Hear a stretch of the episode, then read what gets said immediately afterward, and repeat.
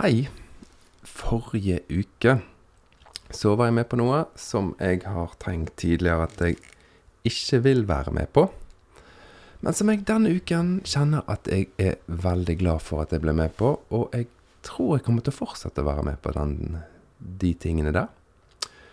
Noen av dere vet eh, hva det gjelder, og noen vet ikke hva det gjelder. Men her kommer avsløringen. Jeg var med i Dagsnytt 18 i en debatt. Og eh, debatten gjaldt eh, et arbeid som jeg er med i, som kalles for Skeivt kristent nettverk. Det er som det sier i navnet, det er et nettverk for skeive kristne og støttespillere av de skeive. Eh, på vår Facebook-side så har vi laget en liste, eller starten på en liste, over menigheter der skeive kan gå og kjenne seg hjemme og være helt på lik linje med de som ikke er skeive. For de fleste av dere som hører på podkasten, så tenker du det burde jo være en selvfølge. Jeg skjønner ikke hva poenget med en sånn liste er, og jeg skjønner ikke hvorfor det skal være behov for en sånn liste. Men tro meg, det er det behov for. Og debatten i Dagsnytt 18, den ble Den kom i stand pga. at en eh, person fra en annen organisasjon mente at dette var en eh, diskriminering, eller en A- og B-klassifisering av kirker. Eh, Så da jeg fikk henvendelsen, så sa jeg til han eh, programlederen som ringte meg, at men i all verden, er, er dette en sak som folk bryr seg om og vil høre noe om? Ja, sier han, dette tror jeg er en god og viktig debatt å ta. Og så var jeg med i Dagsnytt 18. Og hvorfor har jeg ikke ville vært med på sånne ting? Det har jeg måttet tenke litt på siden jeg var med. Og jeg skal være helt ærlig, Tor håp og ærlighet, eh, så er det sånn at jeg syns det er litt flaut at den eh, kristne troen er eh, forbundet med debatter og samtaler og diskusjoner som jeg tenker ikke burde vært til stede i det hele tatt. Det er en veldig rar sak, da. At eh, det første folk skal tenke på hvis en hører at ja, nei, jeg er kristen, jeg tror på Jesus, jeg tror at han eh, ble reist opp igjen fra de døde. Ja, da er du imot homofile, da. Det mm, er fortvilende, og jeg føler det er en, et hån mot både Jesus og de gamle tekstene som jeg er så glad i. Men eh, og det gjør jo da at jeg tenker nei, vi må ikke ha sånne debatter i offentlighet. Jeg har prøvd å melde og ringe og maile og ta kontakt med menighet og organisasjonsledere over hele Norge for å få en prat. For jeg har tenkt bare de får møte mennesker som er skeive, så skjønner de at dette er en feil politikk, og dette er ikke, ikke bra. Det er ondskapsfullt mot mennesker som eh, er homofile, lesbiske, bifile, transpersoner. Eh, Men gjennom to års forsøk så har jeg bare snakket med noen få ledere i det kristne landskapet i Norge. Så da jeg, tenker jeg nå at det at sånne ting kommer frem offentlig, sånn må det bare være. Det nytter ikke å holde skjult hvilke holdninger som egentlig finnes blant oss som er kristne. Selvfølgelig, jeg kjenner jo på en litt sånn ambivalent stemning rundt det. For jeg har jo lyst til at andre òg skal tenke at denne troen kan være relevant. Men det er klart at eh, hvis troen innebærer at eh, vi må diskriminere og stenge folk ute, så tror jeg neppe folk gidder å se nærmere på den kristne troen i det hele tatt. Sånn at du skjønner ambivalensen. Men i forlengelsen av dette så merker jeg at denne episoden den må handle om den ondskapsfulle guden. Hvor kommer dette fra? Hvor kommer tankene om at Gud innimellom vil at vi skal gjøre forferdelige ting? At det er viktig for skaperen av alle ting at vi utelukker noen, utestenger noen og diskriminerer noen. Hva er det? Hvorfor kan det bli sånn? Samtidig som vi snakker om Jesus som var enormt inkluderende, kjærlig, oppsøkte de som var utstøtt, de som var marginalisert, de som var grupp, i grupper som andre ikke ville treffe. Og så var Jesus sånn radikal, inkluderende og kjærlig. Vi snakker om det samtidig som troen blir forbundet med radikal utestenging. Hva er dette for noe? Og i eh, prosessen med å jobbe med denne podkasten, så bestemte jeg meg for da skal jeg faktisk bare gå rett inn i en av tekstene som jeg tror gir en god illustrasjon på hvorfor bildet av den ondskapsfulle Gud preger oss den dag i dag. Før vi går inn i teksten, så må vi ha litt bakgrunn. Eh, menneskeheten har hatt religiøse tanker i tusener av år. Jeg er ikke ekspert på området, men eh, det er noen forskere i hvert fall som snakker om en kognitiv revolusjon for omtrent 70 000 år siden, eller noe sånt. Og det kan jo være da. Det kan hende i forbindelse med at vi hadde en kognitiv, en tankemessig revolusjon, at vi mennesker endret oss vesentlig.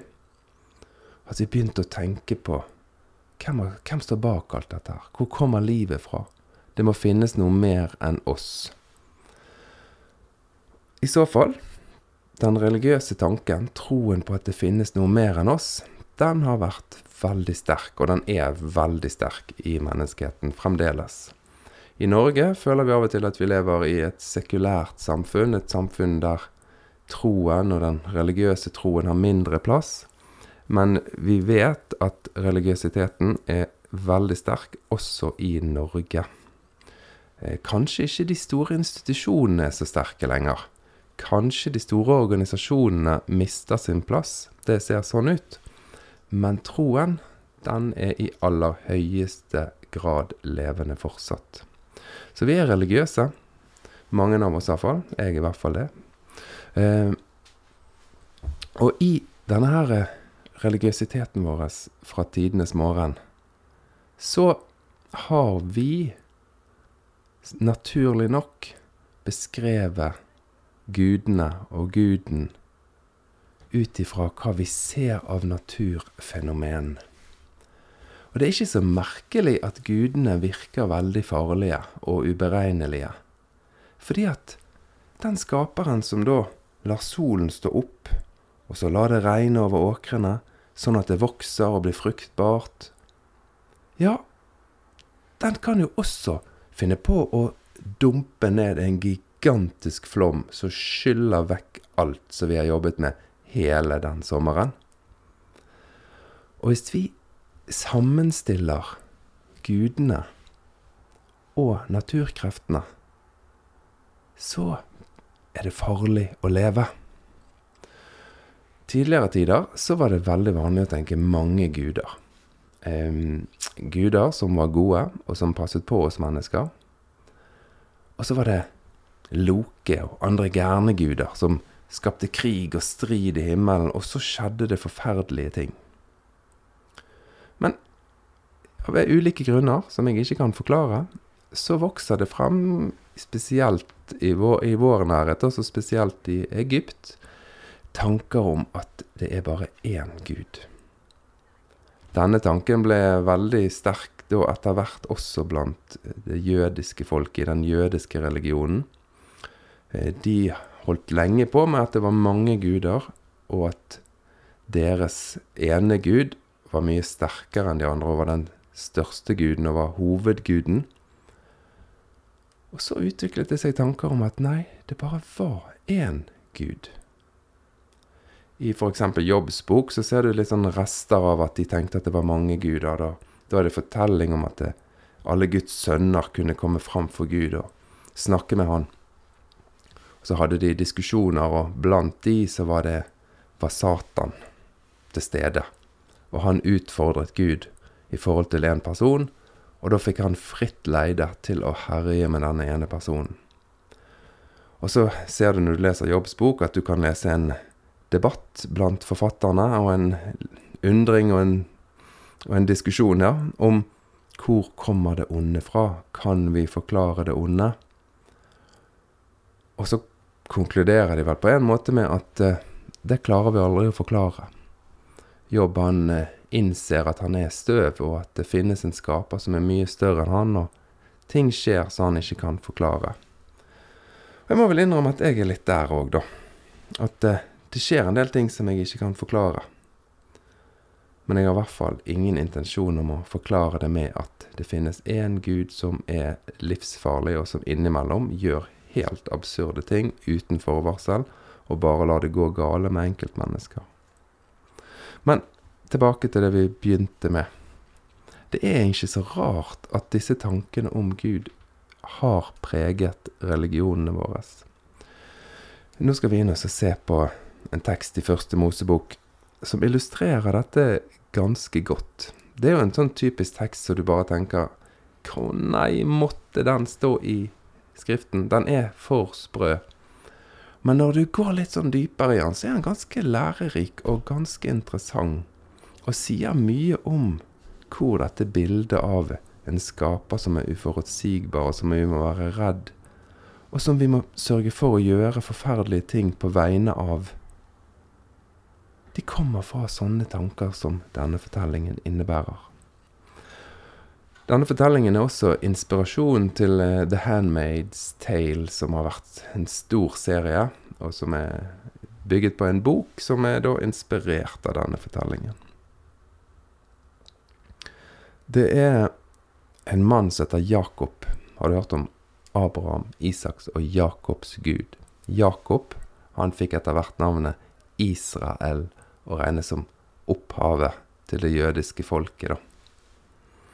Men han hadde en jente, en dame, som han var så forelsket i og ville gifte seg med. Men faren til denne damen, han sørget for at Jakob måtte gifte seg med storesøsteren hennes også. Og det duket jo for en forferdelig familiekonflikt. Rakel, som Josef virkelig var glad i, hun ble nemlig ikke gravid. Sammen med Rakel og søsteren hennes Lea, så fikk eh, også Jakob med to tjenestepiker. Det var ikke så uvanlig på den tiden. Og da disse konene de eide disse tjenestepikene, og loven i sumerisk tid den sa ganske tydelig at hvis din kone ikke ble gravid, så kan du ligge med tjenestepiken. Det var en vanlig tanke og en ordning som var helt etter boken på den tiden, da. Vi leser fra kapittel 29 og vers 30. Så gikk Jakob inn til Rakel også, og han elsket Rakel mer enn Lea. Da Herren så at Lea ikke ble elsket, åpnet han morslivet hennes, men Rakel var barnløs. Lea ble med barn og fødte en sønn. Hun kalte ham Ruben. For Herren har sett min nød, sa hun. Nå kommer mannen min til å elske meg. Hun ble med barn igjen og fødte en sønn. Da sa hun, Herren har hørt at jeg ikke ble elsket, nå har han gitt meg denne sønnen også. Så kalte hun han Simon. Siden ble hun med barn igjen og fødte en sønn. Da sa hun, Nå må da mannen min bli knyttet til meg, siden jeg har født ham tre sønner så kalte hun ham Levi. Enda en gang ble hun med barn og fødte en sønn. Da sa hun, denne gangen vil jeg takke Herren. Derfor kalte hun han Juda. Nå fikk hun ikke flere barn. Da Rakel så at hun og Jakob ikke fikk barn, ble hun misunnelig opp på søsteren sin og sa til Jakob, Gi meg barn, ellers dør jeg. Jakob ble rasende på Rakel og sa, Er jeg i Guds sted? Det er han som har nektet deg livsfrykt. Da sa hun, Her er slavekvinnen min, Bila. Gå inn til henne. Hun kan føde på mine knær, så jeg også kan få barn ved henne. Så ga hun ham Bila, slavekvinnen sin, til kone, og Jakob gikk inn til henne. Bila ble, ble med barn og fødte Jakob en sønn. Da sa Rakel, Gud har hjulpet meg til min rett. Han har hørt min bønn og gitt meg en sønn. Derfor kalte hun ham Dan. Siden ble Bila Rakels slavekvinne med barn igjen, og fødte Jakob enda en sønn. Da sa Rakel, Jeg har kjempet Guds kamper med min søster, og jeg har vunnet. Så kalte hun han Naftali. Da Lea så at hun ikke fikk flere barn, tok hun Silpa, slavekvinnen sin, og ga til Jakob. Og Silpa, Leas slavekvinne, fødte Jakob en sønn.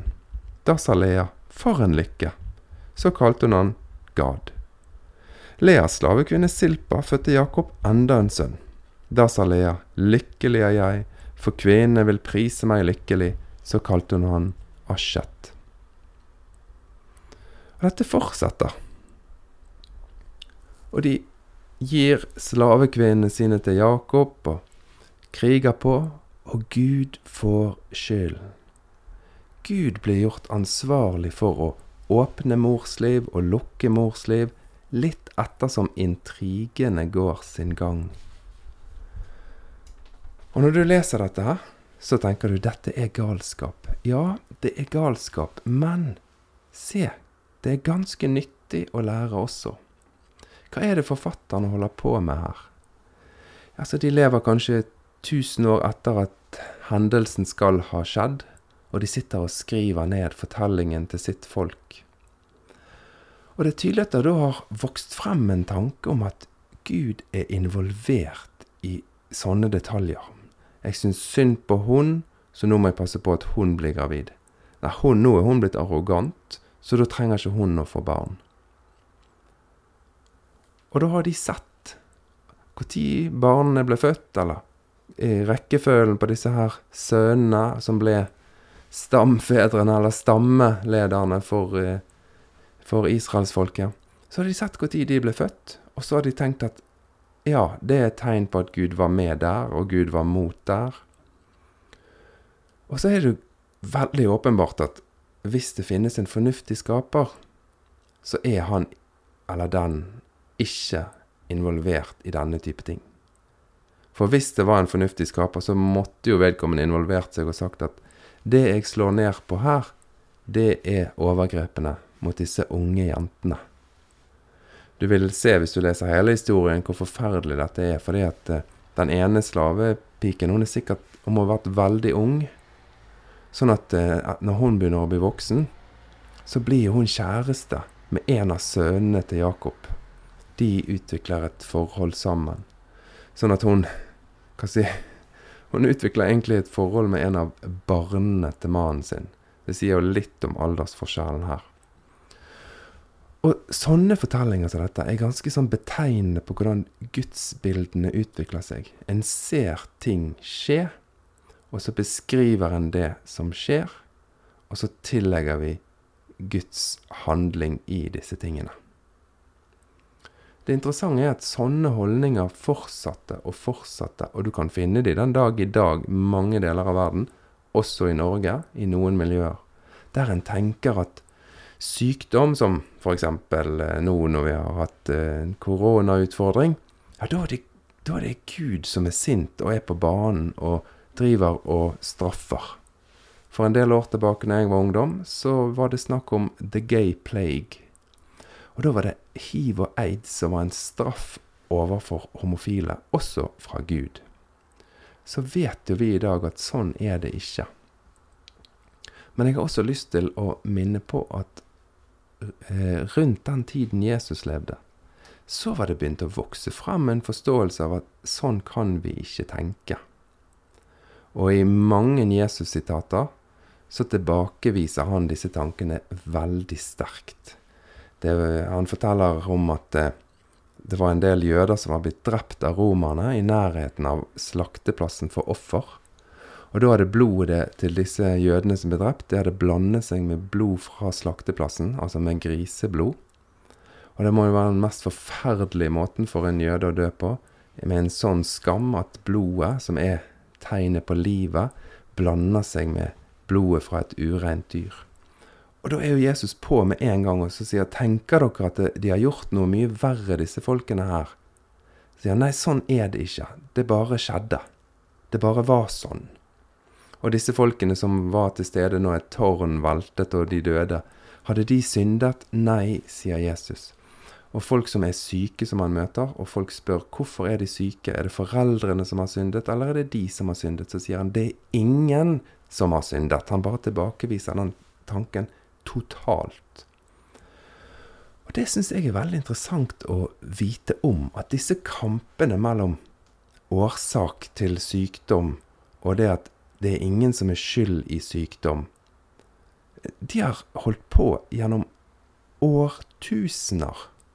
Og selv om vi i dag kjenner til både bakterier og virus og skjønner hvordan ting oppstår i litt større grad enn før, så sliter vi fortsatt med å ha helt ryddige tanker om at skaperen er ikke så ondskapsfull at han driver og straffer og slår ned. Men jeg vil at du skal være klar over det. For du kan jo kanskje bli litt irritert når du hører sånne her debatter som på Dagsnytt 18 så kan du kanskje ikke skjønne hvordan kan noen være så kjipe at de vil stenge ute en minoritet, og så skal ikke den minoriteten engang få lov til å lage en liste over hvor de er velkommen. Nei da, denne minoriteten skal bare fortsette å gå i den forsamlingen de er nødt til å gå i, så de er vokst opp i, men de skal hele tiden kjenne på at de er en underklasse som er egentlig holdt ute. Hvordan kan noen være så slemme? Da vil jeg at du skal vite at de menneskene som uttrykker sånne ting, er ikke mer slem enn andre mennesker. Men mye av dette er begrunnet i en frykt. I en frykt for Gud. En frykt for at det finnes en skaper som kan være veldig sint, og som kan blande seg inn i hverdagslivet. Og dette er et gudsbilde som er laget og dannet ut av at folk har sett naturkrefter, sykdommer, barnløshet inn i en sammenheng der de forklarer sammenhengen med gudenes inngripen. Det er en sånn avansert eh, overtro der vi har først eh, forklart ut at det var mange guder, så landet på at det var én gud. Men hvor kommer alt det onde fra hvis det bare er én gud? Jo, det onde må også komme fra denne ene guden. Og så tillegger vi forferdelige hendelser til at denne ene guden er sint eller fortvilet eller oppgitt eller ute av seg eller oppkavet og har lyst til å bare utslette et folk, for han syns de gjør så mye fælt. Og Da har jeg lyst til å minne på en liten ting som ble sagt i en tidligere podkast her i sommer av Halvor Moxnes. Han sa det at eh, å lese om dommen i, i Bibelen, det syntes han var litt utfordrende, men han hadde begynt å tenke at Gud kunne umulig være en sånn som så mye ondskap. Han så på ondskap på kloden, og så sier han Ja, nå har dere gjort så mye ondt at nå skal jeg toppe hele laget her. Så nå skal jeg drepe enda flere enn dere. Nå skal jeg bare være enda mer ond enn dere.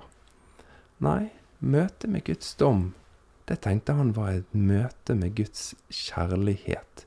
Guds avslørende kjærlighet som bare løfter oss opp på et helt annet tankenivå om våre medmennesker og våre søstre og brødre.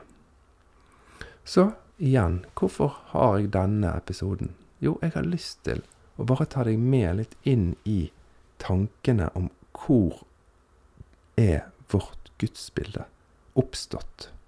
Jo, det har oppstått i en beskrivelse av naturkrefter, sykdommer, katastrofer, gleder, solskinn, regn. Og Jesus, han er veldig tydelig. Han sier sånn Prøv å være sånn som Gud. Prøv å være sånn som vår evige far, vår evige mor. La solen stå opp over onde og gode. La det regne over onde og gode. Vær sjenerøse. La livet leves.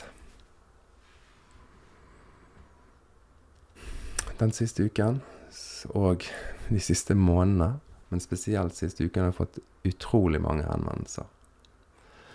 Det er ikke sånn at jeg har klart å håndtere alle henvendelser på en god måte, men jeg tror jeg har svart de aller fleste. Jeg så det var kommet noen mail jeg ikke hadde svart, men det skal vi ta tak i igjen. Og i de pratene så møter jeg foreldre og slektninger av skeive. Foreldre og slektninger som ikke våger å støtte sine barn i frykt for at Gud blir sint. I frykt for at dette er noe som får Gud til å reagere. Og da sier jeg igjen mennesker som tenker sånn, er ikke onde. Det er en oppriktig frykt som ligger i bunnen. Og det kan være godt å vite om og minne seg på hvis du er i prater der du kjenner at dette er litt frustrerende. Det er ingen grunn til å være sint på disse menneskene. Det er en ektefølt frykt og en ektefølt omsorg som ligger bak. Og det er sånne her historier som vi leste nå nettopp, som har vært med å danne dette gudsbildet. En gud som på en måte kan sette på en sånn roaming-knapp på livmoren og åpne den når han tar parti med den ene, og stenge når han tar parti med den andre. Det er klart at eh, det høres litt latterlig ut når jeg sier det på denne måten, men Og det er ikke så mange som tenker konkret det om dette med barnløshet lenger i, i Norge, som jeg har møtt på, i hvert fall. Men disse følelsene og disse tankene om at det finnes en skaper som er veldig uberegnelig, de ligger i bunn. Og de ligger i bunn også om du ikke har et veldig sånn konkret religiøst bilde av hvem Gud er. Det er jo bare å tenke på uttrykk som vi bruker. Vi snakker jo gjerne om karma. Vi snakker uttrykk, engelsk uttrykk 'he had it coming'. Da er det litt sånn Ja, han fikk som fortjent. Det var sånn det var. Så vi har inni hodene våre og inni følelsene våre et eller annet sånn regnestykke med at noen fortjener, og noen fortjener ikke. Noen, noen kan ha det bra fordi at de har sikkert gjort noe bra. Vi har litt sånne tanker. Og det er jo noe av grunnen til at vi aksepterer at enkelte folkegrupper lever i en forferdelig nød, selv om vi lever i en enorm rikdom. For det, det er liksom som vi fortjener denne rikdommen. Vi har gjort noe som gjør at vi har lov å unne oss disse godene, men vi må prøve å stenge andre ute fra disse godene. Og hvis de gjør seg fortjent, så ville de også ha det bra. Så du skal bare vite det at både bevisst og ubevisst så ligger disse her regnestykkene og tankene under om at det finnes liksom en evig rettferdighet som driver og fører noen regnskapsbøker og trakker ned ved enkelte situasjoner og slår ned på ting som kan være litt sånn uforutsigbart. Så vi må bare holde oss på god fot med denne skaperen. Så hvorfor forteller jeg en sånn fortelling i en podkast? Du kan jo fort reagere og tenke at han latterliggjør hele troen. Nei, det gjør jeg ikke. Jeg ønsker i hvert fall ikke å gjøre det. Jeg ønsker bare å være helt ærlig og fortelle at sånne fortellinger og sånne bilder av Gud finner du masse av også i Bibelen. For jeg har kommet frem til det at å delta i en sånn debatt som jeg gjorde, det er sunt, og det er nødvendig. Jeg kan ikke prøve å skjule at den kristne religionen inneholder også mennesker som ønsker å stenge noen mennesker ute. Det er sånn det er. Og det får bare være sånn. Vi får bare vise det, og vi får bare slutte å prøve å skjule sannheten med et sånn ønske om at den kristne troen skal fremstå bra. Dette gjelder også for alle disse forsamlingene som nå for tiden har litt sånn krangel og fight inne i lederskapet. Så ser du at én etter én av pastorer i en stor organisasjon i Norge trekker seg i stillhet. Og en vil ikke si hvorfor. Mens medlemsmassen skjønner at her ligger det noe mer under, så de godtar det ikke. Og Derfor så koker det på med rykter. Og det skjer når vi prøver å holde skjult sannheten. Jeg har gjort det sjøl. For å unngå å sverte den kristne troen, så har jeg latt være å si hva som er sant, og hvor sprøtt noen ting egentlig er. Så har jeg tenkt omvendt nå. Det får bare stå til. Folk må bare se hva det er vi driver med, og hva det er vi tror på. Og så må kanskje vi tenke oss om. Ja, tror vi virkelig på dette? Da må vi kanskje ta noen runder og så lande på at nei, vet du hva, et sånt gudsbilde tror jeg nå i hvert fall ikke på. Helt, helt til slutt en trøstende tanke. Hvis det finnes en skaper, så må den skaperen være klok, god og omsorgsfull. Og hvis Jesus snakket sant, så sa han at hvis du lurer på hvordan Gud er, så var det bare å se på hvordan Jesus prioriterte.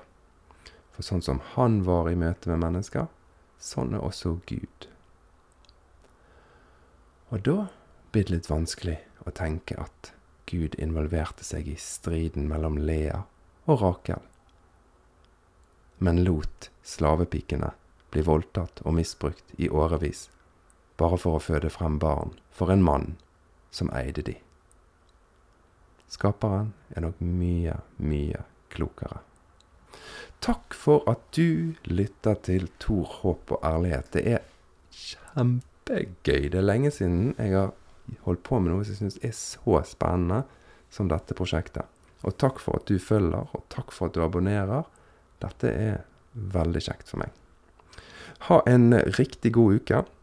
Så høres vi igjen neste fredag klokken 07.00. Tor, håp og ærlighet.